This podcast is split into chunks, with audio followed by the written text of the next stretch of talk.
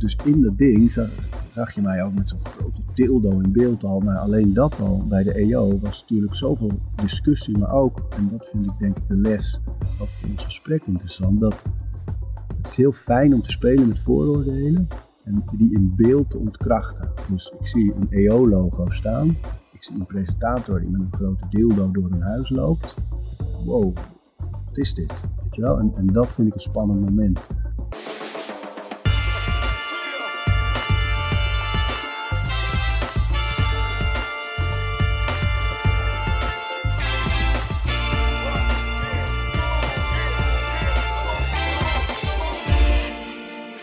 Goedemorgen, goedemiddag, goedenavond of wanneer je dit ook luistert. Mijn naam is Gerben van der Rijt. Ik ben Charlotte van Dijk. En dit is The Brief, de podcast over content, marketing en creatie van full service contentbureau Wayne Parker Kent. Vorige week hadden we al een uh, best wel bijzondere gast, maar die, vandaag, uh, die van vandaag mag er ook zijn. Char, om hem een beetje langzaam te introduceren, hoe ziet jouw ochtendroutine er eigenlijk uit? Nou, vooral heel langzaam. ik ben uh, meer een avondmens dan een ochtendmens, zou ik eigenlijk wel zeggen. Maar heel rustig. Um, telefoon nog even zo lang mogelijk uit. Um, even de tijd nemen vooral. En dan ben ik het beste wakker als Ja. ik op werk kom. Ja. Ik hoor geen ijsbad voorbij komen. nee, geen ijsbad. Ik woon in Amsterdam. Geen bad helaas. Maar wel een koude douche af en toe. Dus dat, dat heb ik er wel een beetje ingehouden. Um, de Wim Hof methode heb ik een uh, tijd lang tijdens corona gedaan. En ik moet zeggen, dat is er wel in blijven hangen. In de zomer is het makkelijker dan in de winter. Maar Dan, dan telt het bijna niet, hè? drie, vier keer in de week probeer ik hem. Ah, dat is netjes, dat is Ja. netjes. Hey, en sporten doe je ook, weet ik. Ja, maar niet in de ochtend. Niet in de ochtend. Nee, Als dat- avondmens doe je dat liever. Ja, na werk, hoofd leegmaken, dat vind ik eigenlijk fijner. Ja. Ja. leuk. Nou, volgens mij mogen we onze gast van vandaag wel ook een, eh, eh, los van deze korte introductie, ook een echte verhalenverteller noemen. Maar ook een ondernemer en boven alles iemand met een goed ethisch kompas en het hart op de juiste plek. Hij werd geboren als zoon van een dominee op Marken, ging basketballen en studeren in Amerika en werkte als fotomodel voordat het grote publiek hem leerde kennen van de televisie. Zijn eerste tv-optreden was als glazenwasser bij Uh, Vergeet je tandenborstel niet van Rolf Wouters. Al snel promoveerde hij tot programmamaker. Hij maakte programma's voor de EO, maar ging uiteindelijk weg na een schorsing en een rel rondom een koffer voor Lomo. Hij vertrok naar de KRO en later naar Net5. Maar bij welke zender of omroep hij ook werkte, zijn programma's kenmerkten zich altijd door een maatschappelijke betrokkenheid en relevantie. Toch kwam zijn tv-carrière op een lager piekje te staan vanaf 2015. Dat was het jaar dat hij met een aantal vrienden en bekenden de Vondel Gym begon. Een sportschoolketen met vestigingen in Amsterdam en Rotterdam en hele goede fotografen in dienst. Maar helemaal uit beeld verdween hij nooit. Tijdens de coronapandemie mengde hij zich graag in de discussie om het belang van gezondheid te prediken. En zoals we van een echte maker mogen verwachten, is hij nooit gestopt met maken. Hij schreef meerdere boeken en presenteert inmiddels twee vaste podcasts. Eén over routines en een nieuwe over voeding. Welkom, Arie Boomsma. Zo, Welkom. we zijn al bijna klaar met de hele podcast. Met een intro. Ja, ja, Deftig, deftig. deftig, maar ook gewoon wel eh, ja, een klein beetje eer doen aan wat je allemaal tot nu toe eh, hebt gemaakt en hebt gedaan. Ja, lang al hè. Ja, als je dat zo hoort, wat denk je dan? Nou ja, ik zit er ook vaak als luisteraar dan een beetje bij. Ik denk, oh ja, oh ja zo, Ben ik zo, dit? zo zat het ook ongeveer. Ja, ja. En je, meestal pikken podcasts of programma's pikken er een ding uit waar we het dan vooral over gaan hebben. Ja. En eh, denk, ja, dan laat ik dat ook altijd zo. Het Ja. enige wat ik soms moeilijk vind, ook al heb ik veel boeken gemaakt, is eh, als ze zeggen schrijver Arie Booms, maar dat voelt Ja. nooit zo. Hoewel ik elke dag een beetje schrijf en, en, en, en nou ja, inmiddels 13 of 14 boeken. Ja, Maar eh, dat, dat voelt toch altijd nog schrijven. Dat zie ik echt. eh, dat is eh, Tommy Wieringa, Arnold Grunberg, Michel Wellebeck. ja. Maar je hebt natuurlijk fictie en non-fictie. Ja, ook nog. Ja, Ja. ja maar daarom, ja, het, is altijd ook een beetje ongemakkelijk, zo'n intro. Ja, ja, ja. ja. Nou, het leukste, wat, want wij gaan ons natuurlijk altijd een beetje in de gas verdiepen. Eh, ik wist, bijna alles wist ik wel. Ik denk dat veel mensen ook wel op de hoogte waren van alles wat we noemden. Maar dat eerste tv-optreden als glazenwasser, die was wel eh, Ja. nieuw voor mij. Ja, dat was eh, een hele lange periode. Dat ik heb in Amerika gestudeerd, sociologie, en, eh, met minors nog, filosofie en physical education. Maar toen ik terugkwam, was dat niks waard. En toen ging ik in de horeca werken. En in zo'n café zei iemand een keer van... joh, zou je eens een, een show willen doen? Dus zo ben ik eigenlijk modellenwerk ingerold, min of meer. En, maar daaruit voortkwam dat ik heel veel audities ging doen voor commercials... en voor kleine tv-dingetjes. En eigenlijk gewoon was ik bezig met geld verdienen. Ja. En zei ik overal ja op toen, zo'n beetje. En een van de allereerste dingen, of het allereerste was bij Rolf Wouters. Die maakte een grote show in een studio. En uh, hadden ze een paradie op uh, de Coca-Cola Light commercial. Dus uh, hadden ze mij ingezet bij een van de kantoor. En, om de ramen te wassen, shirt uit enzovoort. Ja, God. En uh, dus in die studio kwam ik terug om daarover te vertellen. Dat was een soort, maar dat was het allereerste tv-optreden. Ja. Dus zeer houterig, als je dat terugziet. Ja, we hebben de beelden niet gevonden helaas. Nee, dat is maar goed. Ja, Ja, ja, ja. trouwens, het is ook wel leuk vaak om te zien. Maar het is, ja, dan zie ik wel waarom ik in ieder geval nooit acteur ben geworden. Want eh, dat, dat eh, nee, te houterig. Te houden. Ja. Hey, we openen deze, eh, deze show eigenlijk altijd traditioneel gezien met dezelfde vraag. Eh wij zijn eh, van Wayne Park Kent als contentbureau zijn we dol op goede content. Dus de vraag gaat ook daarover. Eh, en die willen we ook aan jou voorleggen. Want wat is de beste content die jij de afgelopen tijd hebt gezien, gelezen of geluisterd? Ik kwam ineens op het spoor van de, Savannah Bananas. Dat is een honkbalteam uit Savannah, Georgia. En de naam zegt het al, er zit meteen een beetje een comedy tint aan. Maar dat- dat was vroeger gewoon, toen heten ze nog geen Bananas, maar een honkbalteam in Savannah. En dat deed eigenlijk nooit goed. Een paar honderd mensen per wedstrijd, terwijl je die stadia echt kan vullen met duizenden. En ehm, een, een man, Jesse Cole, en zijn vrouw, die dachten, wij gaan investeerders bij elkaar, we gaan dat team overnemen. En iedereen zei, nee, honkbal in Savannah moet je niet doen, joh, dat gaat niet hier. En ze deden het toch. En eh, iedereen verklaarde ze voor gek. En eh, de eerste paar wedstrijden, ja, er gebeurde er inderdaad ook helemaal niks. Huis eh, in, in onderpand genomen, nieuwe hypotheek erop, of hoe dat ook maar heet. In ieder geval, alles, alle zeilen bij om het toch maar te gaan redden met dat team. En eh, op een gegeven moment hebben ze bedacht, weet je wat, wij moeten misschien gewoon niet in honkbal gaan zitten, maar in entertainment. Ah, En dat heeft alles omgegooid. Toen hebben ze bedacht, we gaan alleen maar spelers aantrekken die dansen, gekke dingen doen. We gaan de Savannah Nanas, dat is een groep oma's als cheerleaders eh, doen. Eh, de eigenaar, die Jesse, die loopt overal waar hij maar komt in de media in een gele smoking. Ehm, en alles was ineens entertainment. En ze gingen de kaarten verkopen met veel entertainment er al bij. Stadion volgepakt een keer. Maar omdat het zo'n grote show was, was iedereen hartstikke enthousiast. Kinderen gingen mee eh, naar die wedstrijd, terwijl honkbal lang is en voor kinderen soms wat saai. Ja. Maar het stadion volgepakt. Eh een van de snelst groeiende bedrijven van Amerika geworden. Eh, uiteindelijk ook sportief gepresteerd door in die competitie, dus onder de major leagues, eh, kampioen te worden. Ehm, marketing vliegt, Instagram boven de miljoen volgers altijd is het een show. Je komt en je weet niet wat er gebeurt. En hun hele theorie is fans first. Dus Ja. het gaat echt om de fans. Als kinderen om een handtekening vragen aan de spelers, zeggen ze ja, dat is goed. Maar dan wil ik mijn handtekening ook, eh, of jouw handtekening op mijn shirt. oh kijk. Eh, Dat soort kleine dingetjes. Maar en dan loopt er weer iemand op stelt. Of er heeft iemand een, een, honkbalknuppel die in vuur en vlam staat. eh, gewoon echt in de wedstrijd. Dus het is voortdurend een soort verrassingselement als je daar komt. Dat je denkt, je weet dat je entertainment gaat krijgen. Maar wat het is en hoe het, dat maakt, ja, dat weet je nog niet. En Instagram ook, als je daar gaat kijken. Savannah, Bananas. Nou, als je dat intoetst, kom je er wel. Ja. Ehm, alles is verrassend gewoon. En dat vond ik, vind ik zo mooi. Allereerst die beslissing met we gaan iets wat een bepaalde eh, verwachtingspatroon heeft. Gaan we helemaal anders doen. We, gaan, we, we zijn niet een sportbedrijf, maar we zijn een entertainmentbedrijf. En dat zijn zulke mooie, dappere beslissingen die uiteindelijk zoveel zeggen over marketing en branding. En Ja. die dus werken. Dat is ook zo mooi eraan. La- laten we even kort naar een fragment luisteren van de Savannah Bananas Oh, Om, oh. eh, om te horen wat ze er zelf over zeggen. Leuk. It's better than any sporting event I've ever been to. Here in Savannah, we've got the number one place to come to and watch baseball. And you don't even need to like baseball, you can have a blast here. Daisy is now the official bat dog for the Savannah Bananas. I didn't expect anything like this. And I don't think Savannah expected anything like this. It's just an amazing thing to see, just the success story go from you know a little egg to, to you know a full-fledged sort of phenomenon. I started trying to learn everything I could about the baseball business, but more about the entertainment business. It's, a, it's it's not even a baseball game. It's a circus. It's a circus. I don't even know how they did. it. Right. En, en waarom is het dan zo goed volgens jou? Nou, ik denk dat dat te maken heeft met het lef de dingen anders te doen.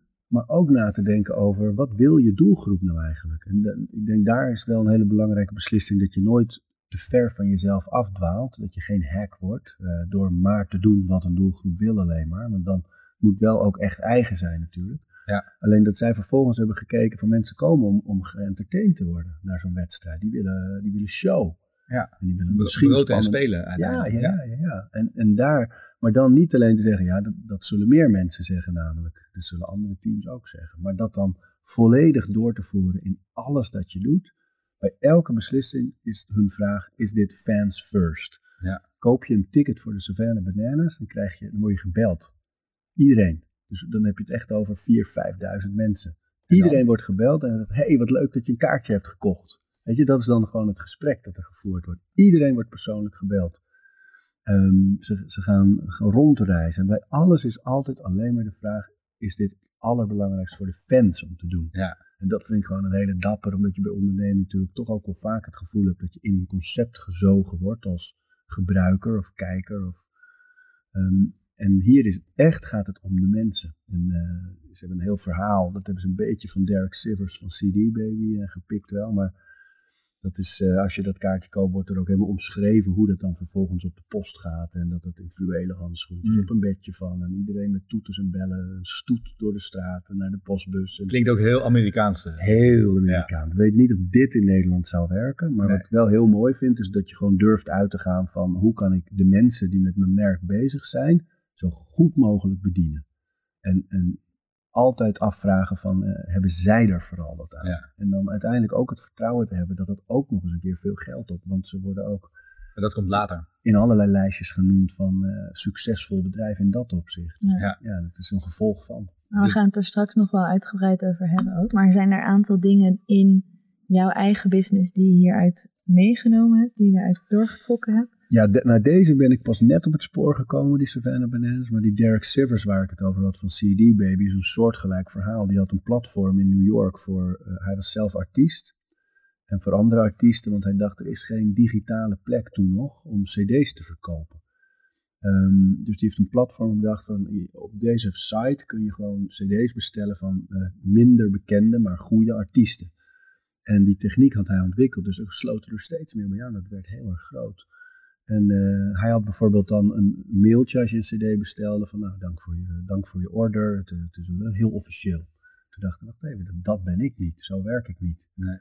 Dus toen heeft hij een, een mail geschreven van eh, eh, dat, dat een speciale Japanse specialist met fluwelen handschoenen dat op een kussentje legde. En we gingen met de stoet door de straten om het naar de brievenbus te brengen. En nu, jouw foto hangt hier aan de muur als customer. En heel overdreven, maar wel zo grappig dat het eh, viral ging op internet omdat eh, mensen het gewoon doorstuurden aan elkaar van kijk dan wat een geestige bevestigingsmail. Want het was niet meer dan dat, een bevestigingsmail.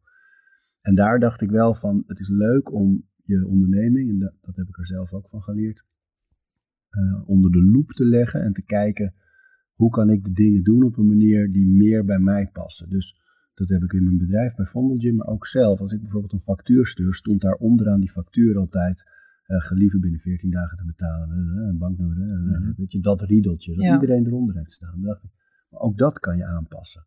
Ook daar kan je zeggen, hé, hey, het is fijn als je op tijd betaalt. Lukt dat niet, zorg dan dat je voor elke dag dat je te laat bent 10 burpees doet. Bijvoorbeeld, dat past meer bij mij. Dus dat is dan, en het kan een glimlach zijn. En Misschien zijn er ook mensen die zeggen, ja, ja, ja, ja. Of die het niet eens lezen. Maar het is die manier van kijken naar je organisatie en naar wat je doet, naar je product.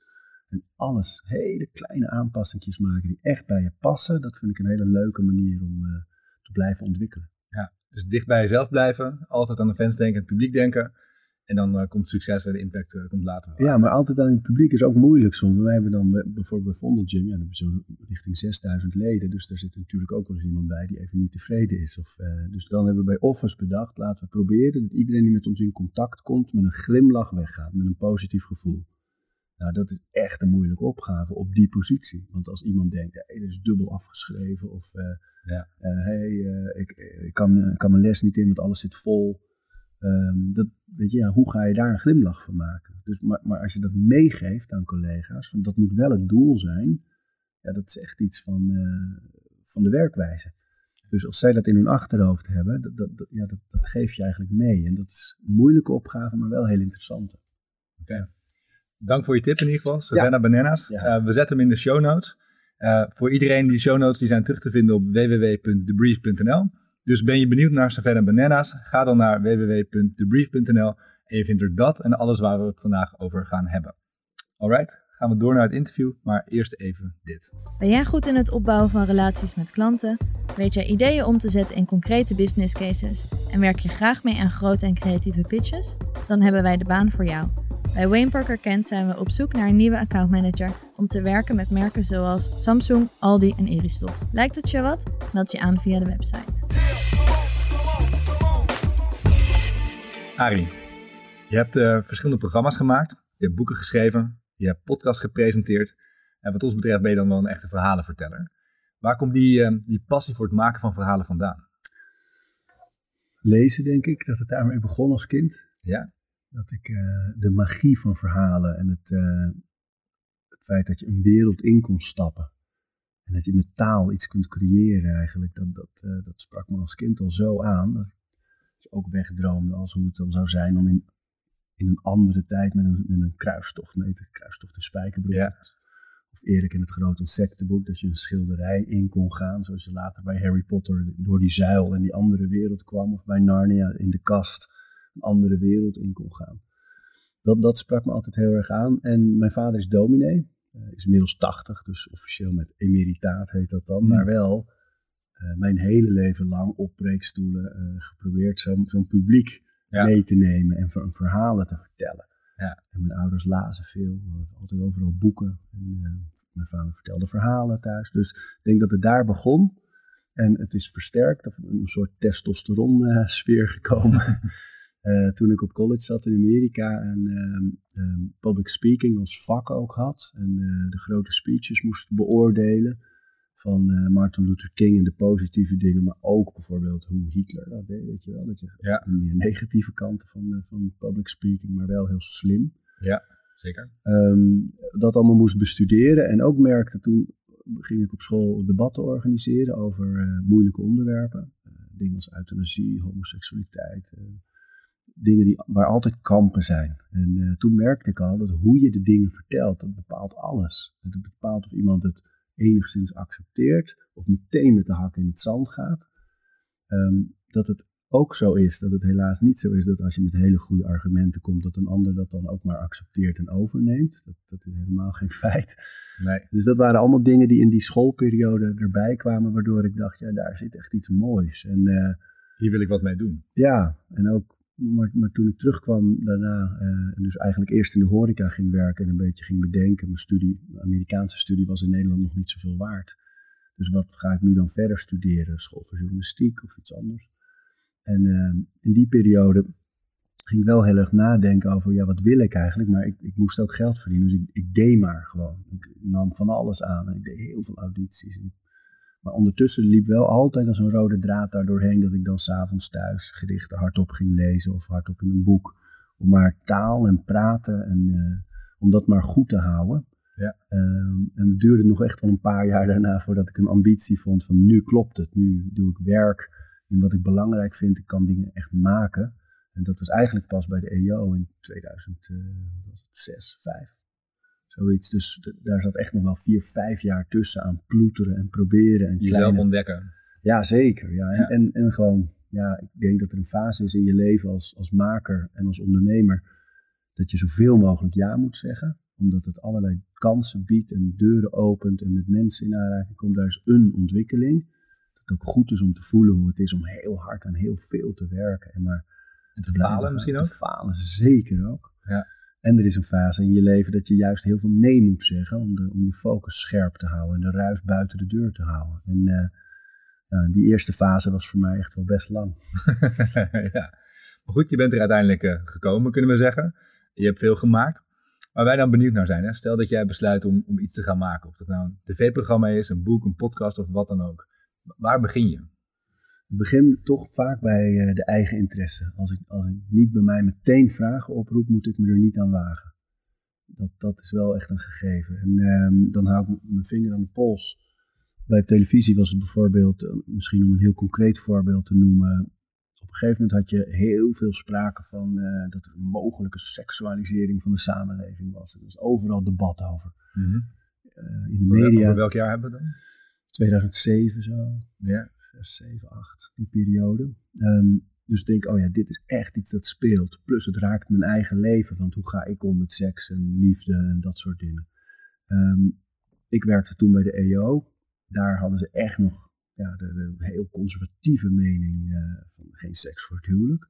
Dacht ik, ja, als je televisie wil maken, wat bij uitstek een massamedium is, moet je niet op die koers gaan, want dan spreek je een heel klein publiek aan en je stoot een heel groot publiek af meteen. Dus er is geen gesprek. Is dat erg dan? Dus het hoeft niet erg te zijn. Ik denk zelfs dat misschien later in het gesprek dat het kiezen voor een doelgroep en heel goed weten wie niet je doelgroep is, ook echt essentieel mhm. is. Maar bij televisie heb je te maken met dat je met tijdstippen, uitzendingen, dan, en daar moet je gewoon toch wel op een groot publiek mikken. Niet te veel buitensluiten. Bovendien wil je dat de gedachten waar je in gelooft, um, dat die aangereikt worden aan anderen, dat ze er in ieder geval iets mee kunnen doen. Ja. En je wil dat je bijdraagt aan een maatschappelijk debat. Dus die drie punten, die zorgen ervoor dat we dan gaan nadenken met collega's, hoe kunnen wij dat invullen? We gaan niet zeggen, oh, geen seks voor het huwelijk. Geloof ik zelf ook niet in trouwens. En toen ook niet. Ehm, maar er waren daar mensen wel. Dus toen dachten we, dan moeten we het vertalen. Dus wat, wat blijft er over? Dat we gaan uitzoeken in zo'n programma dat we dan daarover gaan maken. Van wat de rol is van liefde, van intimiteit, van trouw. Dat is in elke relatie belangrijk. Ehm, dus we maakten een programma, 40 dagen zonder seks. Waarin we mensen die heel veel seks hadden, uh, zelf of met anderen, vroegen 40 dagen helemaal niks eraan te doen. Puur als onderzoek, zoals het ook in een vaste tijd is, van wat betekent het dan in mijn leven. En uh, dat was spectaculaire televisie, omdat het heel visueel was. Um, ja. Heel erg persoonlijk. Spannend ook, omdat het, ja, het is natuurlijk toch een intiem uh, onderwerp. Maar ook omdat het die maatschappelijke discussie raakte die in het land woedde. Dus het programma explodeerde echt qua media-aandacht vanuit Australië en Duitsland en België. En um, dat format is ook veel weggezet. Dus dat was, dat was echt een voorbeeld van eerst kijken, wat speelt er? Wat zijn mijn eigen vragen erover? Hoe kunnen we het vertalen naar een groot publiek? En nou gaan we het maken op een manier die ook spannend moet blijven. Want als het dan suf of braaf of veilig gemaakt wordt, dan stort het hele kaartenhuis ook in elkaar. Dus het moet ook nog eens een keer er zat bijvoorbeeld in de, in de intro, in de inleiding, er zat een, uh, want ik ging zo'n huis dan altijd doorzoeken naar dingen waar het bleek dat er daar veel seks was. Ja, dan kwam je altijd wel ergens een grote dildo Ik wil zeggen, wat vind je dan? Maar ja, ja, dit is. Handboeien, weet je, van alles. Condooms natuurlijk. Uh, maar goed, dus in dat ding zag, zag je mij ook met zo'n grote dildo in beeld al. Nou, alleen dat al bij de EO was natuurlijk zoveel discussie, maar ook, en dat vind ik denk ik de les, ook voor ons gesprek interessant, dat het is heel fijn om te spelen met vooroordelen en die in beeld te ontkrachten. Dus ik zie een EO-logo staan. Ik zie een presentator die met een grote dildo door een huis loopt. Uh, wow, wat is dit? Weet je wel? En, en dat vind ik een spannend moment. Dat je, in, dat je eigenlijk iemand meteen bij de lurven grijpt van hier klopt iets niet, dus dat moet ik proberen te begrijpen. Of wat is dit dan?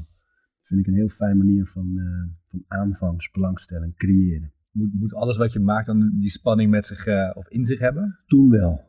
En ik denk dat dat ook wel een, een, onrust is. Die, en daar zit natuurlijk ergens ook altijd wel de, de ijdelheid van makers. Dat wat je maakt iets teweeg moet brengen. En dat iedereen ermee bezig moet zijn. En, en dat het dan ook natuurlijk een beetje over jezelf gaat. Dat, dat had ik toen zeker ook.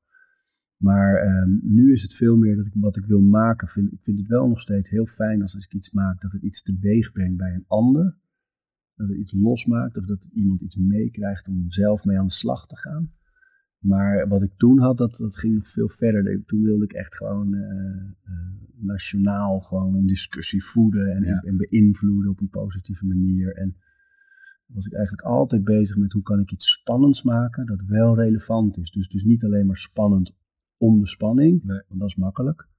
kies je gewoon een vorm waar iedereen, nou ja, wat je ook wel heel veel voorbeelden van hebt. Maar vorm die gewoon, ja, maar voor mensen, wow, wow, wow, dat is makkelijk. Maar dat het ook nog relevant is, dan, daar wordt het moeilijk. Dat inhoud en vorm allebei uh, iets spannends hebben, dan, dan wordt het mooi. Dus, maar dat heb ik niet, dat is niet een leidraad dat ik nu nog steeds denk, alles wat ik maak moet dat hebben. Nee, nee, nee. nee. En je hebt ook, uh, je we hebben het net gehad over televisie en het grote bereik en wat daar de impact van, impact van kan zijn. Stel nou je besluit iets te gaan maken. Hoe kies je nou uiteindelijk wat het beste kanaal is om dat weg te zetten? Ja, ja, kanaal is eigenlijk altijd het tweede ding. Dus uh, met name in die periode dat ik veel televisie maakte. Als ik dan een thema had, dan had ik een paar mogelijkheden. Uh, ik kan er een boek over maken. Ik had in de Rode Hoed een, avond tot mijn beschikking met twintigers. Die ik, ja, daar kon ik ook onderwerpen live bespreken dan met de doelgroep. Um, radio was een optie. Um, nou, dat waren eigenlijk een beetje de kanalen toen nog. Je had al wel wat social media, maar nog niet zo heel veel. Um, dus dat waren eigenlijk de dingen. Dus meestal televisie is uh, wel altijd, was dat mijn eerste uh, mogelijkheid. Vanwege die impact en dat bereik? Ja, maar ook vanwege de... Kijk, nu, ik, ik, Hilversum is natuurlijk een, hikt altijd achter de rest aan. Het is, het is een langzame plaats, eh, een langzame plaats in medialand. Televisie is langzaam, nu. Maar voor maken toen was het nog best snel. Een boek is bijvoorbeeld veel langzamer over het algemeen. Um, en een live evenement is het allersnelst, maar het minste impact. Ja. Dus, dus dat waren een beetje de afwegingen altijd. Ja. Um, nu zou ik niet heel snel voor televisie kiezen. Ik heb nu bijvoorbeeld een docu-idee waarvan ik denk, wil ik wel, wil ik wel maken. Maar dat zou ik dan bijvoorbeeld nog liever op, uh, op Videoland of Prime of, of zoiets doen. Ja. Dan uh, op reguliere tv. Ja, maar daar ben, ik, daar ben ik wel benieuwd naar. Stel dat je nu iets zou willen maken als Uit de Kast of 40 dagen zonder seks. Ja. Zou dat dan nog steeds een tv-programma worden? Ja, ik, het, uh, door Vondel Gym en door dat deze jaren zo uh, daardoor over sport en gezondheid gaan, zou ik nu niet heel snel dat zo'n serie maken. Terwijl die onderwerpen nog steeds even belangrijk vind. En... Ja, maar, maar, los van het onderwerp, zeg maar, qua, qua, qua kanalen die je nu tot je beschikking hebt. Ja. Je, je noemt al een, een videoland en streamingdiensten. Dat zou niet mijn eerste keus zijn. Nee, ik zou Nee. nu eerder kijken hoe bijvoorbeeld binnen de gym, eh, we hebben binnen de gym No Gender in the Gym. Dat is een, uh, een terugkerend evenement voor uh, transgenders en non-binaire mensen. Uh, waarin ze in een veilige omgeving met elkaar kunnen trainen. Um, zoiets zou ik dan nu eerder doen dan, uh, dan televisie. Ja. Ik geloof wel nog heel erg, kijk, in, blijf zo met televisie. Er zijn programma's die gewoon 2, 3 miljoen kijkers bereiken op één avond. Dus het meeste internet komt wel aan dat soort cijfers, maar er gaat veel langer overheen. Er is weinig dat direct dat soort cijfers. Dus de impact van tv is nog steeds enorm. Ja. Alleen ik vind de, de, dynamiek van televisie, waarbij je met een idee bij je manager aan moet kloppen. De manager klopt bij de zenderbaas aan, een coördinator. Coördinator gaat puzzelen met een schema en zegt ja, in november om, op dinsdag om half tien komt dat erop over acht maanden. Weet je, dat is een hele gekke. Ja. Het doet heel veel denken aan dat verhaal van Seth Godin, dat hij begon met digitale boeken maken, de, de marketing guru. Uh, dat hij bij zijn uitgever kwam met een heel goed idee, want het gaat echt over nu. En ik heb het in twee weken geschreven, nu, nu, nu. En die, en die man zei, ja, maar eerst is het nog dat boek van die collega. En dan, en dan in december zouden we dit kunnen doen. En dat was ook bijna een jaar later. Ja, je verliest heel veel momentum. Heeft hij het online gezet, gewoon digitaal. Miljoenen keren gedownload. En door die gratis download kwamen mensen bij zijn andere boeken terecht. Kwamen mensen met lezingverzoeken en presentaties. Dus alles ging omhoog. Terwijl die eigenlijk dachten, maar dit moet nu dus dan maar gratis. Ja. Ja. Online. Dat vond ik heel mooi. En je liet net al weten dat je veel maatschappelijke betrokkenheid thema's eigenlijk uh, maakt. Of in ieder geval programma's daarover maakt.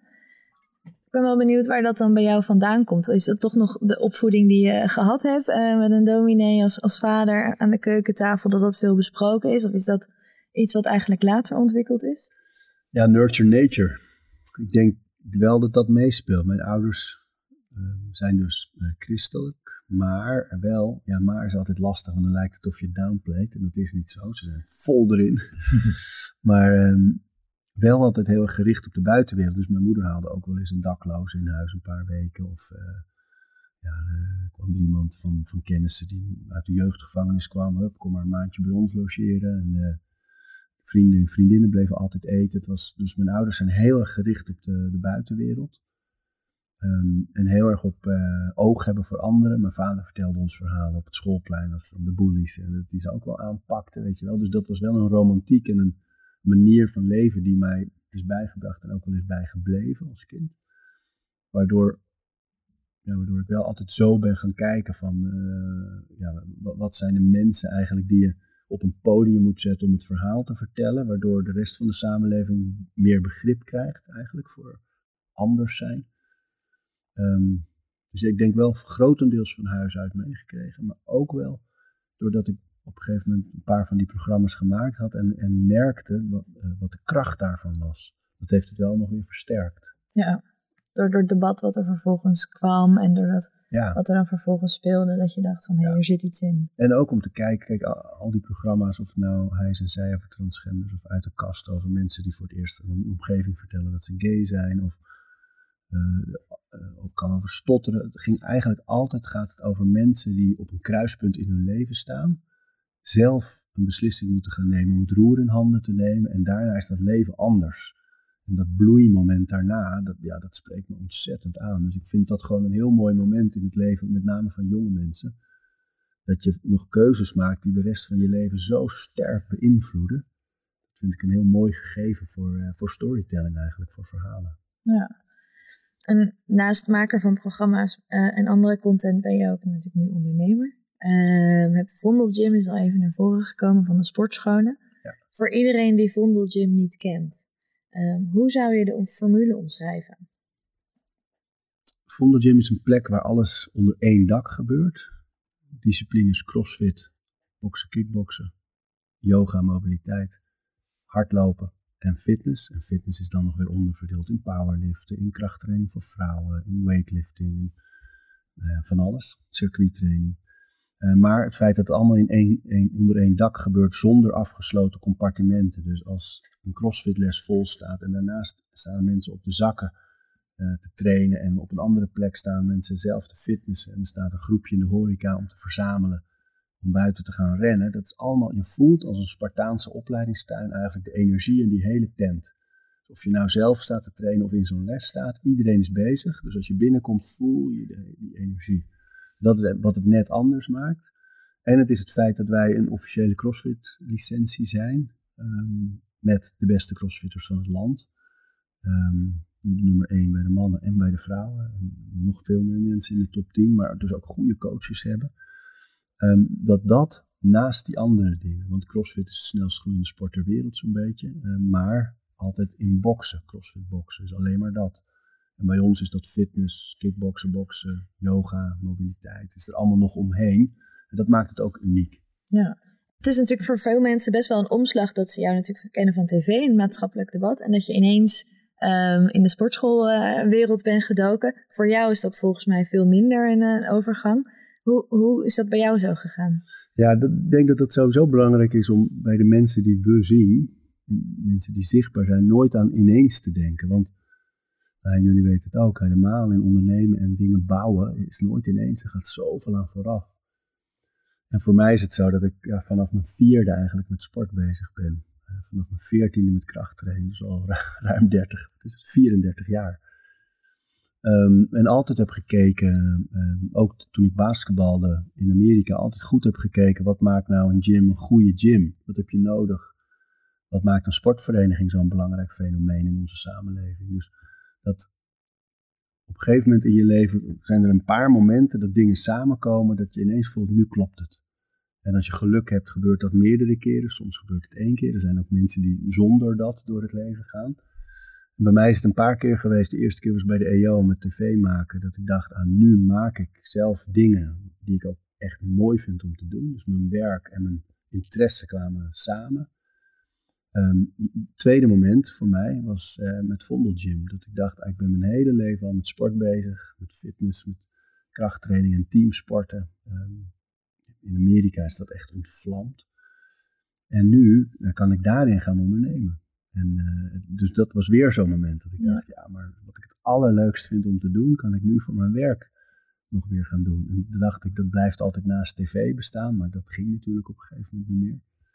Maar dus dat is ja, niet ineens, maar wel heel logisch voor mij. Eh, maar het duurde best wel natuurlijk even eh, voordat dat ook in de beeldvorming geaccepteerd werd. En nu, in de coronajaren, mocht ik eh, namens de fitnessbranche aan tafel gaan zitten overal om te zorgen dat die sportscholen weer open gingen in die periode. Dat het zo belangrijk was.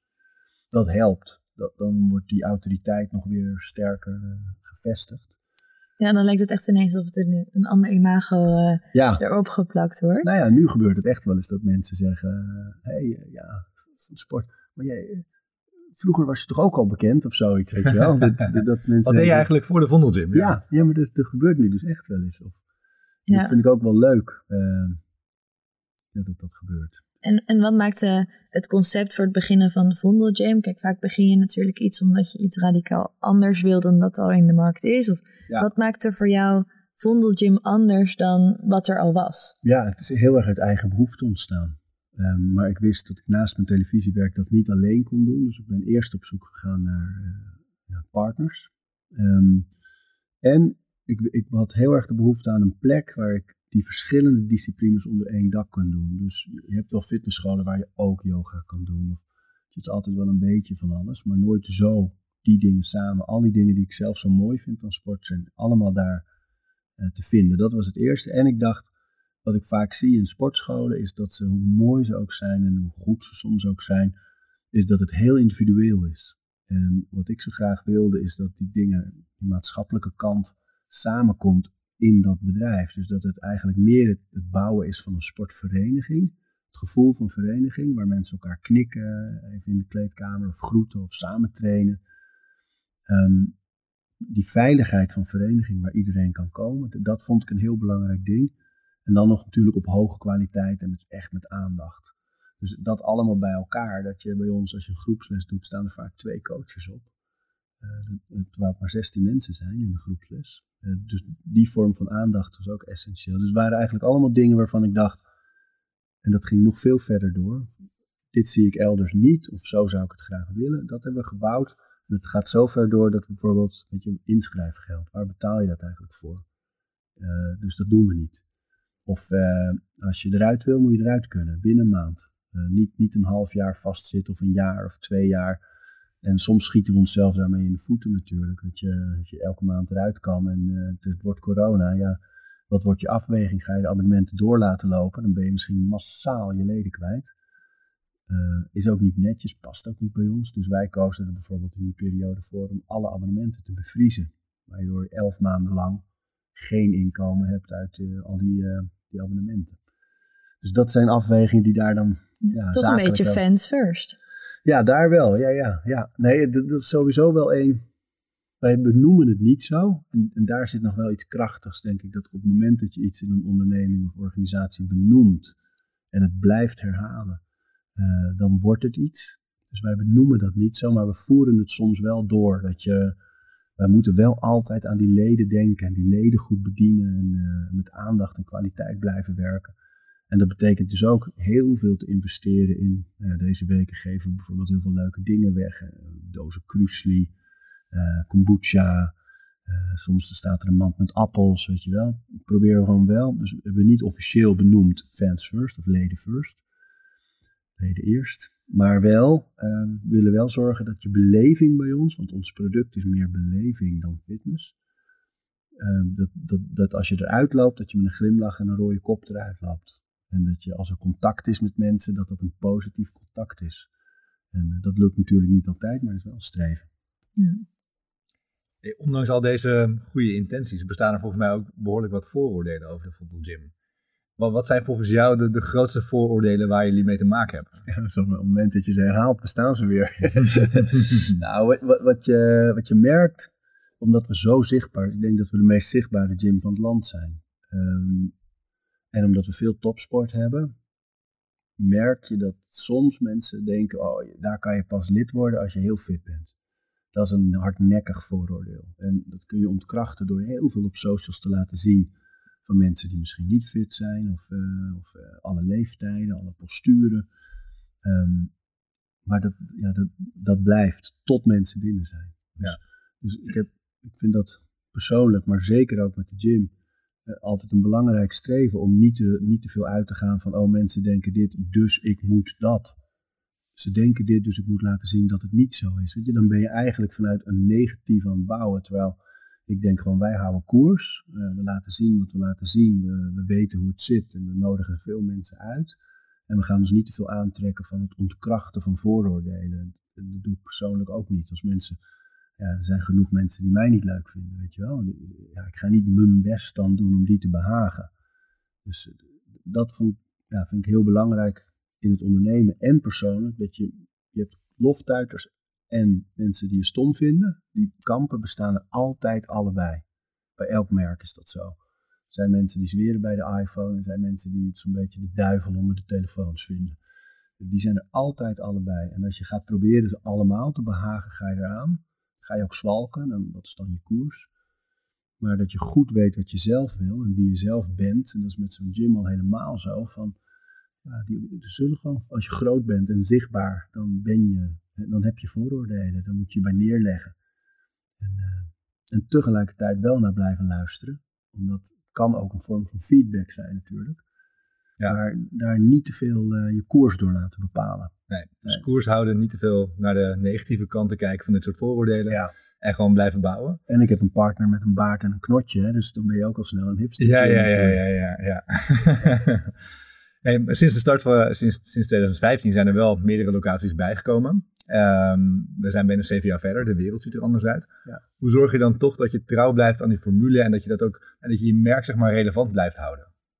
Ja, dat, um, daar vind ik bij ondernemen echt de energie die je erin steekt en de nieuwe ideeën zonder aan je concept te tornen. Dus je moet niet denken, oh jongen, nu iedereen is nu met padel bezig. We moeten, we moeten padel erin hebben.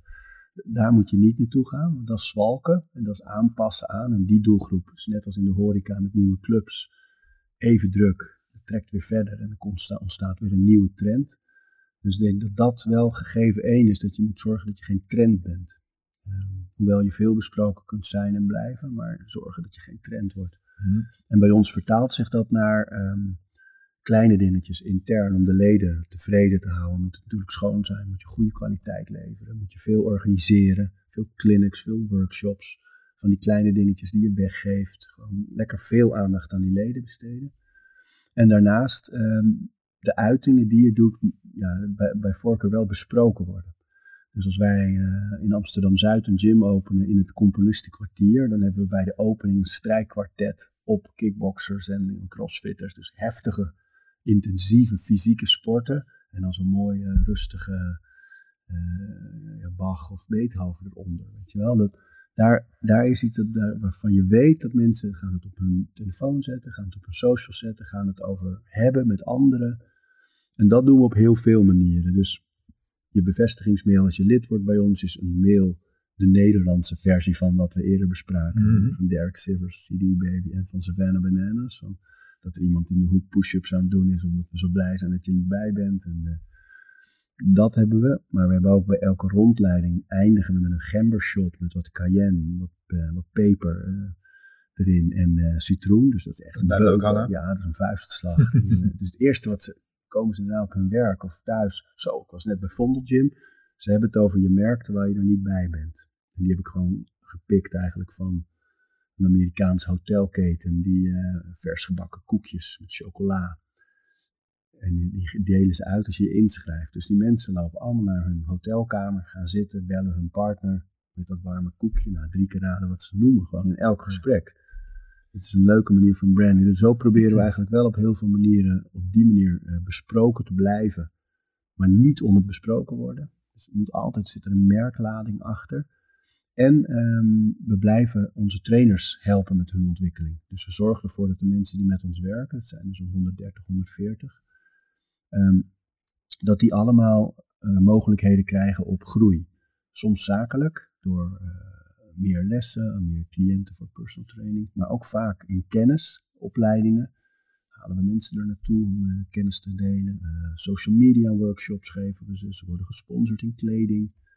Dus van alles mogelijk. Dus op die manier proberen we ook die millennials die over het algemeen maar drie, vier jaar loyaal zijn aan één plek, proberen we in die drie, vier jaar echt volledig loyaal te houden en in ontwikkeling te houden. Ja. En die tillen ons mee daardoor. Dus eigenlijk is het een optelsom van heel veel kleine momenten die je eigenlijk probeert te creëren.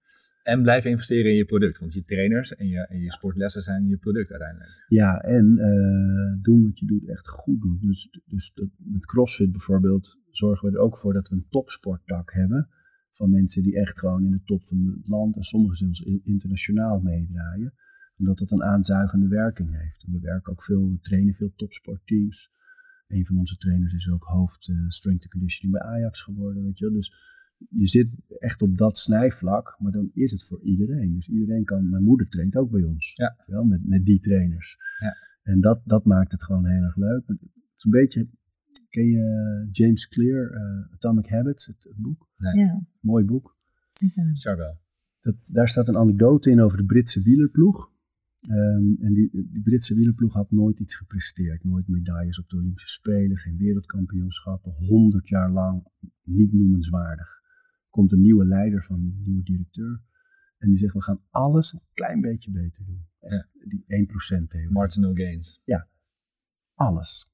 Alles echt. Dus niet alleen uh, wat eten we, hoe slapen we, hoe trainen we, wat voor zadels hebben we op de fietsen. Niet alleen dat logische werk, maar ook in welke vrachtwagens worden die fietsen eigenlijk vervoerd. hey, die, die, wanden van die vrachtwagens zijn te donker, daar zie je stof niet op. En als stof in de ketting van die fietsen komt, zijn ze milliseconden langzamer. Dus we gaan die wanden van die vrachtwagens wit maken. Dan zie je dat stof. Op dat niveau was hij alles aan het verbeteren. Nou ja, dan kwamen ze. Froome, Cavendish, uh, Wiggins. Ja, Wiggins. ja. Ze zijn echt, ze winnen alles. Beste ploeg. Wonnen. Wonnen. Ja, Wonnen. Het, is, het, is, nu weer voorbij. het is, misschien weer een nieuwe directeur. ja. Maar weet je, dus daar zijn heel veel voorbeelden van natuurlijk. Als je durft te kijken naar wat je doet en alles net even tweakt, zonder jezelf onder te veel druk dat het altijd maar beter moet. Maar over het algemeen kan je, is het een positieve ontwikkeling dat als je kijkt naar wat je doet en hoe je het doet, steeds weer opnieuw, en hoe dat anders kan, of net iets beter, net iets leuker, net iets productiever, ja, dan blijf je toch in beweging. Nou. Ja. En als ik het goed heb, hebben jullie nog nooit een euro uitgegeven aan advertising? Nee. Je, je had het al wel echt over bepaalde brandingstrategieën die jullie heel strak hebben doorgevoerd. Ja. Um, is het uit principe geweest dat jullie geen advertising? Nee, dat was een luxe positie. Uh, en dan ontstaat er wel een principe dat we het ook wel stoer vonden om te kunnen om zeggen. Om het door te zetten. En uh, het was, kijk, wij hadden heel erg het geluk dat wat we deden aan het begin, aan de Overtoom, de eerste Vondelgym, uh, heel veel mensen aansprak. Dus we zaten binnen een half jaar vol. En werkten we met een, met een wachtlijst. En de tweede locatie openden we toen en die ging ook vrij rap vol en werkten ook met een wachtlijst. Dus we hadden gewoon twee locaties. Je kon er alleen maar lid worden voor het reguliere abonnement als er iemand uitging. Um, en dat was een luxe positie, waardoor eigenlijk alles wat we deden uh, werd opgemerkt ook. Um, en ook omdat ik zelf nog vanuit de tv daarmee bezig was, dat als we iets aankondigden, werd het ook vaak breed overgenomen.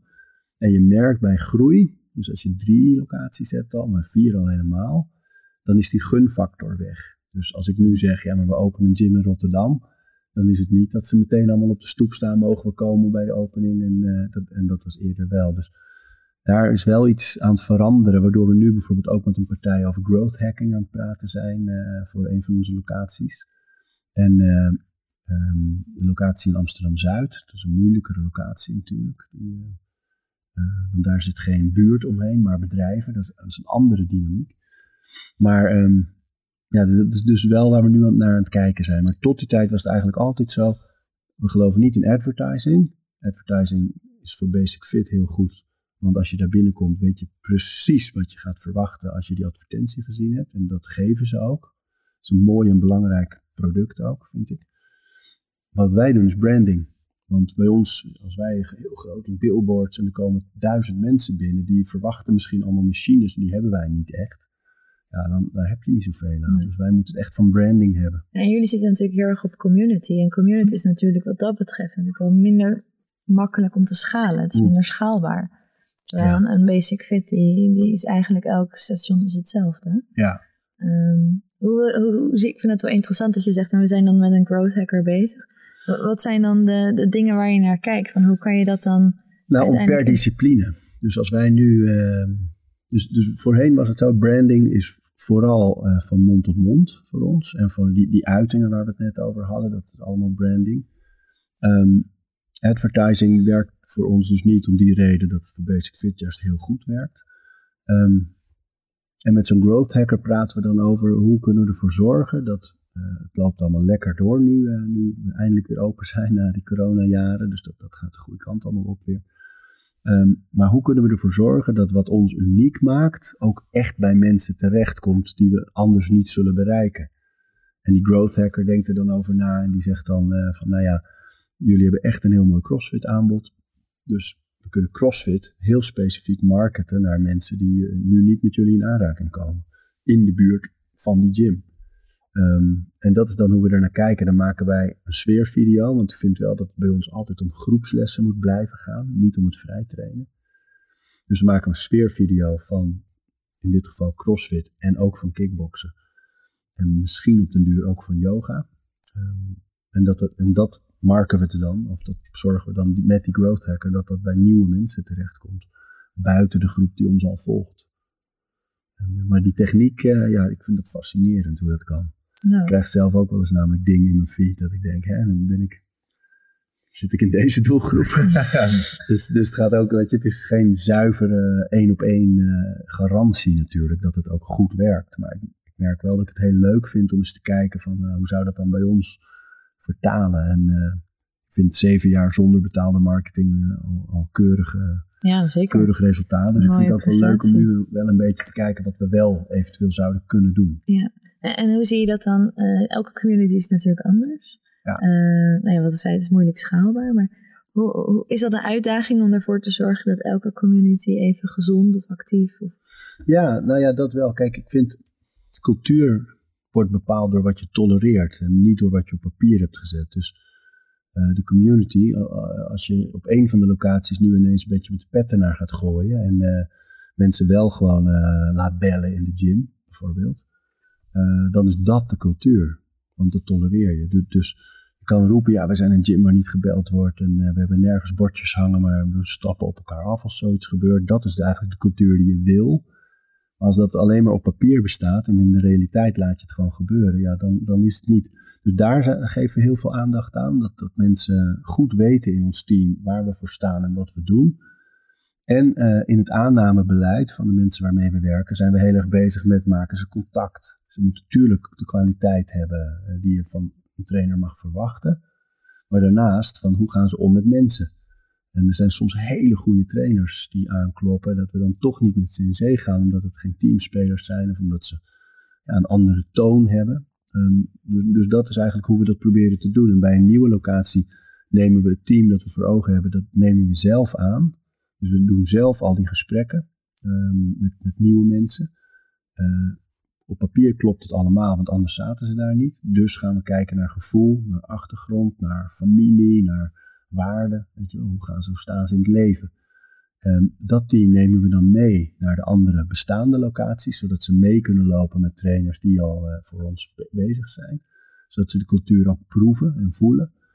En dan vlak voor opening hebben we nog een groot evenement waar het hele nieuwe team aanwezig is. Waarbij we zelf wat trainingen geven, waarbij we nog uitleggen, daarom doen we dit en zo doen we dat.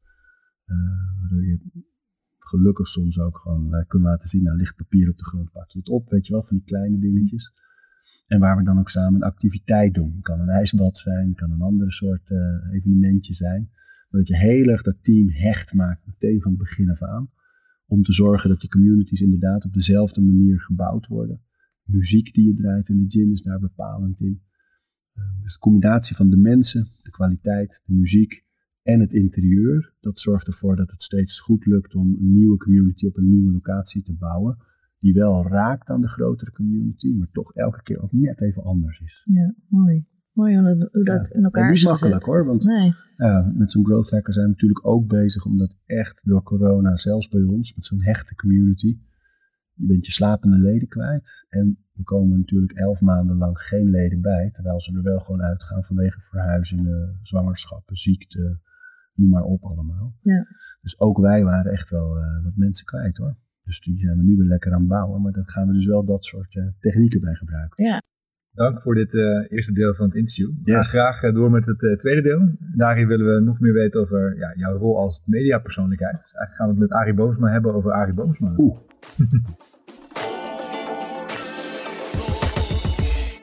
Arie, je hebt nooit geschroomd om je uit te spreken over maatschappelijke kwesties.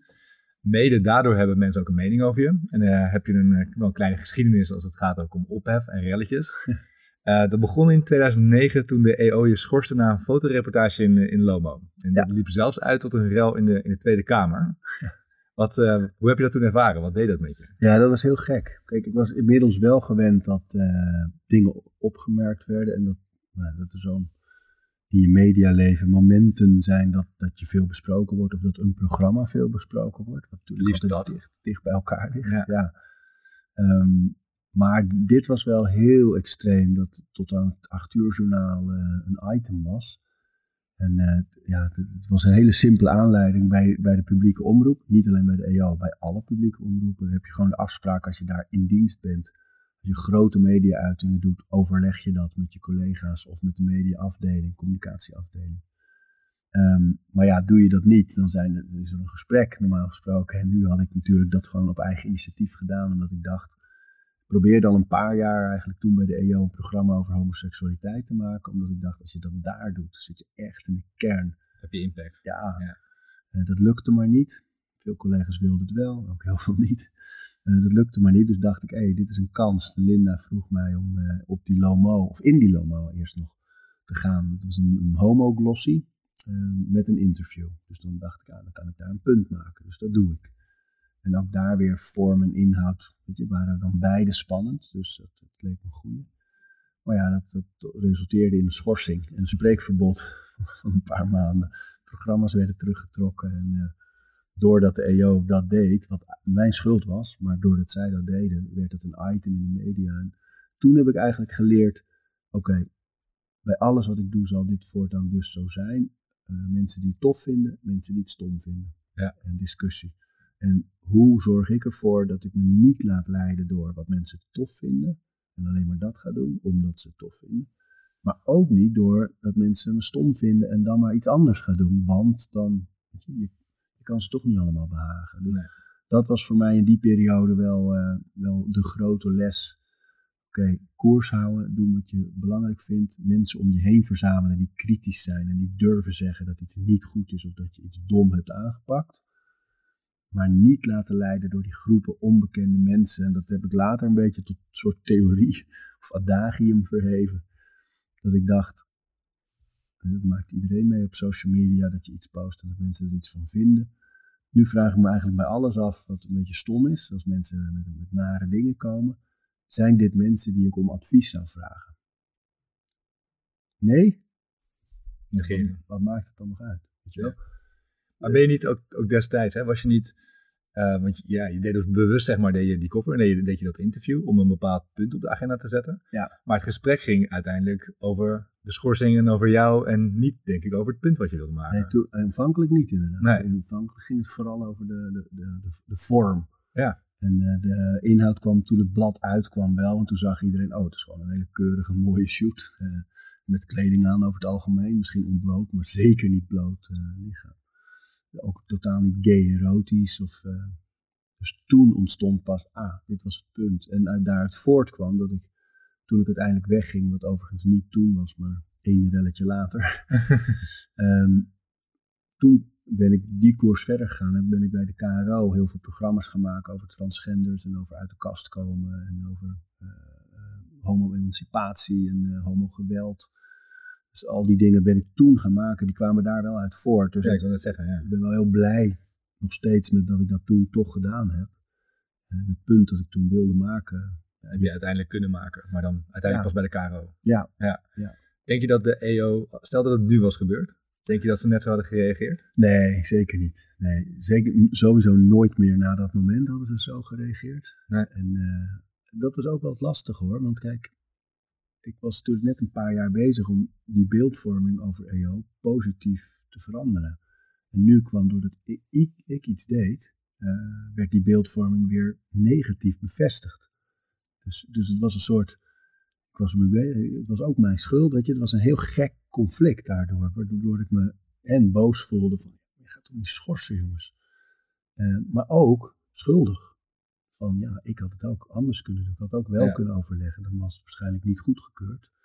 Maar ja, ehm, dus ik heb er geen spijt van. Maar het was wel, ik, ik zie het nog wel altijd als iets dat mijn eh, aanleiding was. En dom daarop gereageerd door de omroep. Maar het is niet hun schuld. Nee. Maar ze zouden zeker niet nu zo gereageerd hebben. Ze maken nu zelfs best veel in die hoek. En eh, het is een hele mooie ontwikkeling gaande daar hoor. Ja, ja en eigenlijk hebben we, we hebben het over, eh, nou wat is het, pas 13 jaar geleden. Dus wat dat betreft zijn die ontwikkelingen ook eh, gelukkig heel snel de goede kant op eh, aan, het, aan het gaan. Ja. En, en zie je dan, eigenlijk heb je met de EO dan misschien wel een soort van sneeuwbaleffect opweeg gebracht. Dat is misschien toch ook wel mooi om te zien dat daar het balletje sneller is gaan rollen, wellicht. Ja, ja. Uh, wat is je vraag daarna? nou ja, wat de lessen zijn die je zelf daaruit hebt getrokken. Of je misschien wat, wat vaker dat zou moeten doen. Of dat je juist dacht van, nou, volgende keer dan hou ik me weer mee in. Nee, dat heb ik niet zo vaak hoor. Um, kijk, ik denk wel, je moet jezelf nooit overschatten. Um, ik was nu de persoon op dat moment die iets teweeg bracht en een balletje deed. Misschien wat harder deed rollen, maar dat balletje rolt toch. En, uh, en ook als je het oog bent van zo'n mediastorm, dan heb je het gevoel dat heel Nederland daarmee bezig is, terwijl het natuurlijk de meeste mensen ontgaat. Um, daar zit wel een nuchterheid die heel belangrijk is, denk ik, om altijd goed voor ogen te houden. Dat je, ja, je impact is altijd kleiner dan je zelf zou willen misschien. Maar uh, er, is, er is wel iets moois gebeurd en mede daardoor, maar dat zou anders vast ook gebeurd zijn hoor. Ja, je hebt natuurlijk door je bekendheid wel veel invloed. Ook ja. uh, nu op het moment ook veel op social media. Uh, maar daar komt ook wel veel verantwoordelijkheid bij kijken. Ja. Hoe ga je daarmee om? Ja, door bijvoorbeeld op mijn socials altijd af te vragen, hebben mensen hier iets aan? En dat vind ik bij de gym trouwens ook, op de socials van de gym. Dat je dat wel af moet vragen, want, want social media, met name die eerste garde Instagrammers, bijvoorbeeld als je nu op zo'n account kijkt, dan zie je soms gewoon duizenden foto's van een gezicht. En die mensen hebben een miljoen volgers. Dus er is ooit een moment geweest dat iedereen dat heel tof vond, maar ik geloof niet dat dat nu is wat, wat, wat de weg is. En bij mezelf vind ik het leuk. Ik stoei heel vaak met dat ik eigenlijk meer wil formatiseren. Dat ik meer wil zeggen. Op maandag dit, op dinsdag over ondernemen, op woensdag over de gym, op donderdag een training, op vrijdag iets over het gezin. Weet je wel, dat ik een beetje op die manier meer bouw. Waar, waarom zou je dat willen op die manier? Omdat het rust geeft. Die structuur geeft rust, heb ik het gevoel. Een vast ritme. Voor jou of voor, voor, de, voor de volgers? Uh, voor mij. Uh, omdat ik dan niet meer. Nu gebeurt het me net iets te vaak dat ik denk: hé, hey, ik heb twee dagen niet gepost. Ik moet misschien eens iets. Mm -hmm. En dan ga ik daarover nadenken en er komt dan iets voor. Maar dat is een best wel een lang traject en, en tijds- en energie-intensief. Ja. En ook wel eens stressvol. Van dat je dan denkt, ja, maar ik heb niet, oh, het is half tien, ik wil eigenlijk richting bed gaan, weet je wel. Dat, dat is geen fijne dynamiek. Dus Nee. op het moment dat ik dingen in structuur hang en formatiseer, dan geeft het niet als je een dagje mist of een dingetje mist. Ik Maar denk ook dat het voor je, voor je volgers ook wel, eh, wel fijn is. Want die, hebben, die weten ook wat ze kunnen verwachten. En Ja, ze wat kunnen verwachten. Ja. Ik, weet- je, je maandag post met Ja. eh, de, de, de week eh, op een positieve manier beginnen. Ja. Het is niet zo dat ik nou zit te wachten tot je hem post. Maar hij, hij komt wel elke week voorbij. En Ja, dan denk je wel van, oh ja, ja, dit is wel, hier kunnen we op rekenen. Ja, ja dat, dat is toch hoe het werkt. Hè? En dat, maar ik vind die vraag van hebben anderen er wat aan wel een hele relevante als het over social media gaat. Zeker. En, eh, en ook in stories veel artikelen en achtergronden, wetenschappelijke dingen. En in vragenrondjes vind ik het leuk om vragen over gezondheid een beetje dingen aan te reiken en zo. Dus, dus dat is voor mij wel een belangrijke vraag altijd. Van, dus ik zal niet heel veel mijn gezin plaatsen, terwijl ik weet dat er een doelgroep is die dat heel erg leuk vindt. Maar ja, wat, wat heb, ja is, is dat leuk het enige? Nee, ik wil wel iets aanreiken. Dus dat mag er zijn, want het hoort bij mijn leven. Maar het moet niet eh, de boventoon voeren. Dus dat is wel een verantwoordelijkheid. Kijk, dat, gaat bij mij vaker over eh, uitspreken over dingen die gevoelig liggen. Ehm, en dat is anders als je een gezin hebt. Dus als ik bijvoorbeeld eh, nou, twee zomers geleden racistische opmerkingen in een, eh, in een praatprogramma veroordeel, dan zou dat eerder alleen op mij eh, terugkomen. Van eh, nou mensen zeggen, jee, goed zo. En mensen die zeggen, hé, hey, ik schiet een kogel door je hoofd. Ehm, dat zou eerder niet uitmaken. Op het moment dat je een gezin hebt en iemand zegt, hé, hey, kijk achter, blijf over je schouder kijken als je met je kinderen door Apkoude loopt, bijvoorbeeld. Dat is anders. Dat, Ja. weet je? Dus dat zorgt er wel voor dat ik me qua verantwoordelijkheid iets sneller nu afvraag van, ga ik me hier nu over uitspreken? Wetende dat dat de dynamiek ook is en de negativiteit die dat ook eh, teweeg brengt. Zal ik nu iets sneller zeggen van, nou nu even niet, want mijn dochter is net geboren. Of ehm, ik moet nu niet al die negativiteit in mijn leven halen, want daar is nu geen ruimte voor. Terwijl de, de drang daar wel is. Of over zoiets, dat, eh, ja, dat, dat blijft toch altijd dat ik denk, het is ook weer het schoolplein van mensen die als bullies zeg maar op allerlei anderen richten die zich niet verdedigen. En dan, ja, dan vind ik het leuk om daar wel in te gaan. En, ja, dat, dat is over verantwoordelijkheid, dat is altijd weer een afweging die ik, die ik maak. soms bijt ik nu iets meer op mijn tong dan vroeger. Ja. We hadden het net al heel even kort over, over social media. Dat is natuurlijk een kanaal waar je gewoon uh, ja, als maker ook vooral rondom je eigen persoon uh, iets kan gaan uh, creëren en kan vertellen. Hoe belangrijk is social media voor jou ook om je, je huidige imago te bewaken of, of te versterken of misschien dingen toch te ontkrachten? Ja, het is, het is mijn hoofdkanaal nu. Dus um, de gym is natuurlijk een hele levendige, echte plek. Um, maar qua communicatie, qua ja, een podium, is, uh, zijn mijn socials eigenlijk de plek. En, en ook omdat in de jaren is de dynamiek veranderd. Dat, dat begon met Twitter en het zeker nu met Instagram. Dat mediaredacties, uh, ja, hoe vaak lees je wel niet de quote, zegt hij op Instagram of zegt hij op Twitter of ja. Facebook zelfs ook nog wel eens. Maar um, bij mij niet trouwens, maar, maar bij anderen.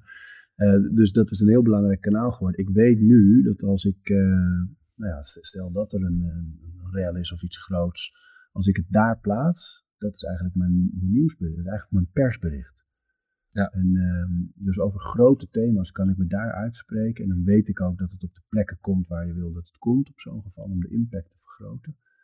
En uh, dus, dus dat, zo zie ik het allereerst als, als spreekpodium. En ik vind dat mijn socials een weergave moeten zijn van wie ik ben en hoe ik leef. Wat belangrijk is voor je. Ja, en die verhouding moet dus ook een beetje kloppen. Dus soms staat er wel eens iets over poëzie, omdat ik het zelf heel mooi vind. Maar er zit natuurlijk nul engagement op. Nee, nee. Maar dat, dat is dus ook weer zo'n afweging. Dat ik niet, ik wil niet alleen maar dingen doen waarvan ik weet dat er veel engagement op zal zitten. En, uh, dus ja, de, daar, ik probeer daar een, een, eerlijke weergave te geven van wie ik ben en hoe ik leef en wat ik belangrijk vind en mooi ook. Ja. En uh, ja, daar worstel ik soms ook mee qua, weet je, hoe moet ik dat nou op een goede manier doen? En waar we het net over hadden, met, moet ik daar een formatje meer bouwen? Ja, het blijft ook aanscherpen en ontwikkelen, denk ik. Ja, dat is ook het leuke ervan natuurlijk. Ik vind het een fantastisch medium, Instagram. Ja. En met zo'n groot bereik als jij hebt, kan ik me voorstellen dat er ook veel merken zich bij je melden voor samenwerkingen. Um, op basis waarvan kies jij met wie of uh, met wie je niet gaat samenwerken? Het liefst kies ik merken die ik al gebruik. Ja. Um, en soms heb ik een koppeling met de gym, het Vondel Gym. Dus als ik bijvoorbeeld met, uh, met Reebok uh, samenwerk bij de gym, dan heb ik zelf een gentleman's agreement nog met ze, dat ik vooral Reebok draag, sport. Um, soms kies ik merken, ja, omdat ik er al heel lang zelf enthousiast over ben, weet je wel. En dan en als zij dat weten, kloppen ze aan. Nou, dan is het een logische samenwerking. En, waarom werk je dan bijvoorbeeld voor de gym wel met Reebok samen, maar niet met Nike?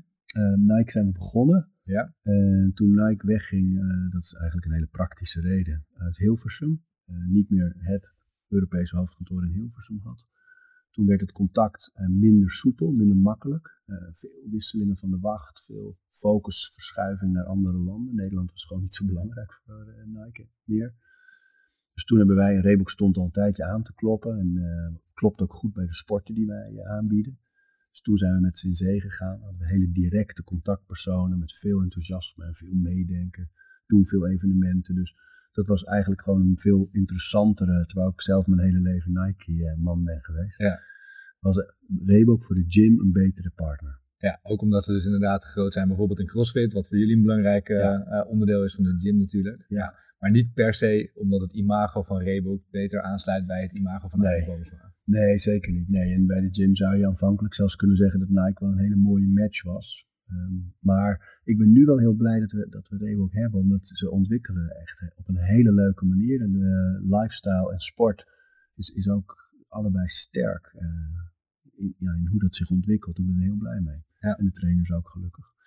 Maar en en wat af en toe gebeurt is dat ik bij merken zelf op onderzoek uitga en denk, de, de merken die bij mijn portefeuille passen. Dus uh, nou, dat kan een proteïnemerk zijn of een vitaminemerk. Nu ben ik bijvoorbeeld net met Vitakruid gaan samenwerken en dat is echt voortgekomen uit onderzoek en de behoefte aan een mooi zuiver product. Ja. Dus dat, ja, er zijn heel veel aanbieders, maar er zitten heel veel moi producten bij.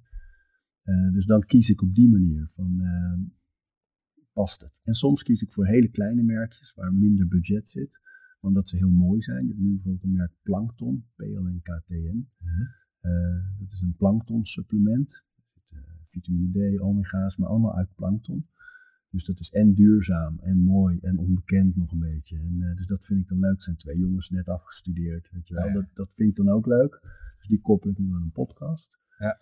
Ehm, zo kijk ik daar een beetje naar. Ik vind dat je nooit te veel moet, eh, moet doen. En ik heb het liefst vrijblijvende afspraken. Maar ik ben nu wel net naar een agent gegaan die gespecialiseerd is in die hoek. Zodat ik dat gedeelte goed georganiseerd heb en niet meer eh, all over the place, zoals het een beetje werd. Maar niet, niet te veel zeg je. Wat is dan, eh, hanteer je daarbij een regel? Wat, een, wat het Nee. maximum is? Nee, maar wel per portefeuille. Dus als ik nu bijvoorbeeld met dat vietenkruid werk, dan zal ik niet daarnaast een soortgelijk merk ook Nee. nog doen. Of, eh, en, eh, en ik ga niet snel met een merk in zee eh, ja, dat niet klopt bij de dingen die ik doe. Dus stel dat nu Breitling aanklopt. Ja, ik draag nooit horloges, dus Nee. dat zou gek zijn. raar, ja. Of eh, heel vaak komen mensen met sieraden en armbandjes. En ja, dat heb ik, dat doe ik allemaal niet. Dus Nee. ja, dan kunnen ze nog zoveel. eh of en soms is het ook nou ja, een bepaalde cosmetica merk of zo, waarvan ik denk, ja, dat ben ik gewoon niet. En dan doe ik het niet. Het is soms moeilijk. In zo'n coronaperiode kan iedereen elke extra cent gebruiken natuurlijk. Dus dan is het lastiger om nee te zeggen. Maar ik denk wel dat het zich uiteindelijk op de lange termijn altijd uitbetaalt. Om maar eens een woordspeling te gebruiken. Ja. Om, om het dan toch niet te doen. En dus als je als merk kiest voor Arie Boomsma, en, eh, dan krijg je ook Arie Boomsma een soort van exclusief wel bijna. Ja, dat. En ik, ik vind dat de relatie moet kloppen, omdat ik geloof dat socials vooral ook authentiek moeten zijn. En dat is al moeilijk genoeg, omdat je, iedereen maakt een afweging. Plaats ik dit wel of niet? Daar begint het al. Dus hoe authentiek is het? Mhm. We zijn niet allemaal Joe Rogan die gewoon alles erop zet. Een Nee, stuk vlees, close-up in de sauna. Ja. Maakt allemaal niet uit, het is echt. En op welke samenwerking ben je dan het meest eh, trots of kijk je met het meeste plezier terug? Oeh. Zo hé. Nou, ik heb nu een samenwerking met Ebb Flow. Dat is een CBD-merk. Ja. En dat vind ik een mooi spannend product. Omdat er hangen in Nederland nog heel veel eh, vooroordelen om, om zo'n product heen. Hè? CBD is de olie van eh, Cannabis. Van, van cannabis ja. ja, van de hennepplant. Maar zonder de THC. Dus eh, er zit geen, geen, geen drugs. Nee. Ehm, dat vind ik dan een leuke samenwerking. Terwijl die nog echt nog maar net begonnen is. En er staat nog niet veel over op mijn eh, socials. Maar omdat daar is iets te winnen. Dus je kan, moet het echt nog uitleggen. Eh, ik ben het zelf, heb ik het vijf jaar getest. Ehm, weet je, het is, het is een mooi eh, duurzaam product, biologisch. Het, het ziet er goed uit, terwijl in dat hoekje is, is het ook nog wel eens wat ruw en rauw. Ehm, dus dat vind ik dan een spannend ding en daar kijk ik heel erg naar uit om daarmee verder te gaan. En verder in de sport heb je natuurlijk hele leuke samenwerking, omdat je samen ook content maakt, series. Ja. Eh, met Jeep heb ik een leuke samenwerking. Dat, en natuurlijk, die zijn aan het verduurzamen. Dus er komt een hybride Jeep, dat vind ik mooi. Ja. Ehm, en een groene ook al trouwens. Ehm, en ik kan een serie met ze maken over duurzaam ondernemen met andere ondernemers. Dus dat zijn ook hele leuke samenwerkingen. Tot het maken ook wel weer een beetje naar voren. Ja, voortdurend. Ja. Ethos had ik een hele leuke. Die hebben toen eh, mijn boek Fit, waar je het eerder over had. Eh, hebben ze een enorme oplage gekocht in de winkels. eh, gratis weggegeven. Stond je in de bestsellerlijstjes. eh. Ja, Ja. ja, die is echt eh, 90.000 of zo van verkocht Ja. in totaal. Maar die deed het al goed. En toen kwam dat er nog overheen. En, en daar hadden we ook een hele leuke serie trainingen op en rond een bankstel. Die gewoon mensen thuis konden doen. Er zat een tv-commercial bij. Een online platform met die training. In de winkel was er van alles. het boek werd weggegeven. Dus dat was leuke samenwerking met een veilig merk. Weet je, het is een toegankelijk, breed merk. Wel goed. Uh, maar heel breed ingevuld bij allemaal dingen die ik ook echt leuk vind om te doen. Ja. Voor een verzekeraar een keer een serie video's opgenomen met allemaal trainingen die je gewoon aan een bureau zou kunnen doen. Dus dat zijn hele leuke samenwerkingen allemaal. Ja, ook omdat het klopt dus. Ja, en ze wie jij zijn bent en uh, waar je voor staat. relatief kort. Dat is soms ook wel lekker. Ik ga het liefst met merken duurzame relaties aan. Maar soms is het ook fijn als een merk zegt, we gaan drie weken lang gaan we dit uh, doen samen. Daarna is het klaar.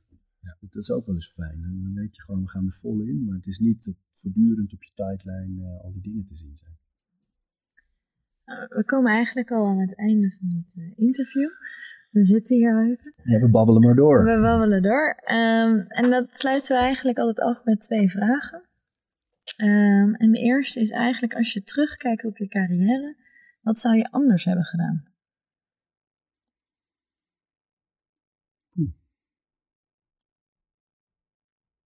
Nou, ik denk dat ik misschien wel iets langer bij de publieke omroep was gebleven in plaats van naar net 50, naar de commerciële te gaan. Dat deed ik toen vooral omdat ik mij de ruimte gaf om iets, meer, iets minder programma's te maken. Ehm, en dat ik iets meer thuis kon zijn, want de kinderen werden toen allemaal net geboren.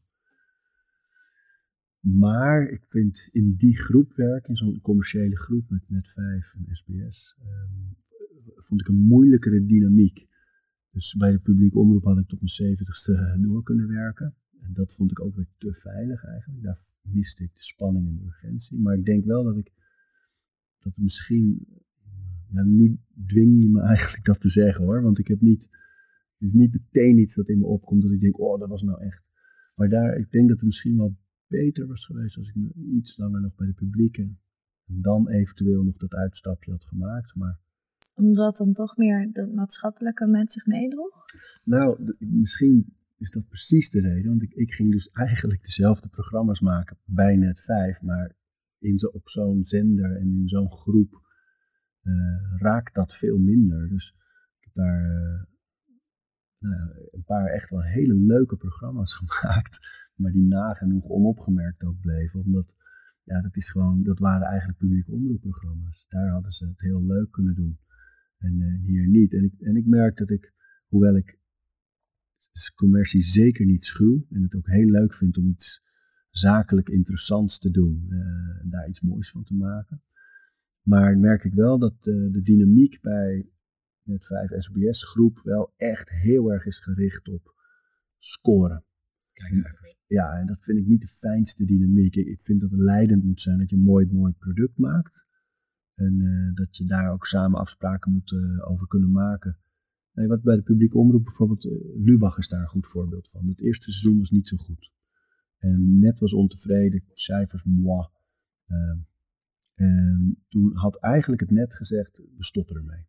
Toen heeft de VPRO zelf gezegd, nou dan gaan we het liever nog zelf betalen, want wij willen door, we hebben vertrouwen in dat dit iets wordt. En dat vind ik heel belangrijk bij met wie je ook samenwerkt. Dat, dat degene met wie je samenwerkt zegt, we hebben er vertrouwen in dat we dit samen gaan doen. Als het niet meteen goed gaat, dan gaan we tweaken, ontwikkelen, groeien, beter worden. Maar we hebben vertrouwen. En dat heb je echt nodig. Dus nou, Lubach is natuurlijk redelijk succesvol geworden in de jaren daarna. En, uh, en dat mist soms, denk ik, bij de, bij de commerciële uh, hoek uitzonderingen daar gelaten. Maar over het algemeen is het daar heel erg kijken van oké, okay, landt dit bij ons publiek? Nee, weg.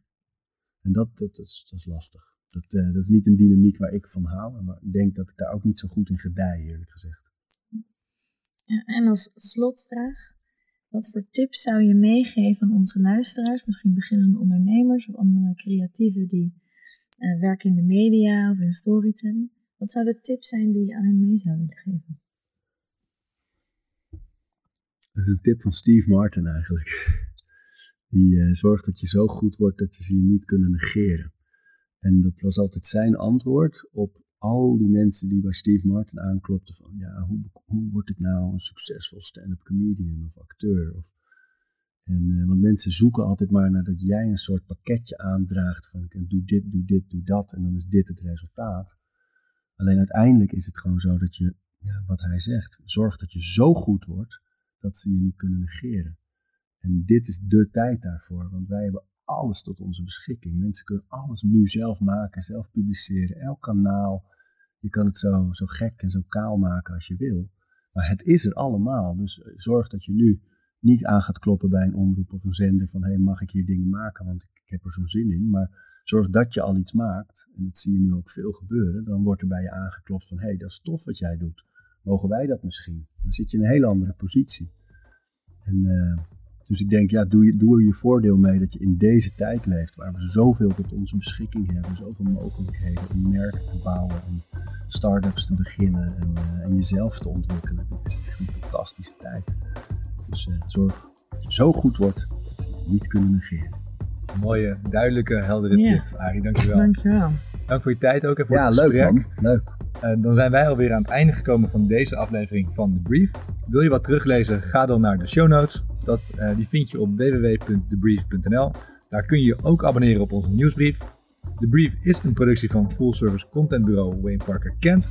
De redactie was vandaag van Olaf Deben. De productie was van Guido Wiegers. Uh, we waren in de Smet Studios en de volgende show is over twee weken. Tot dan.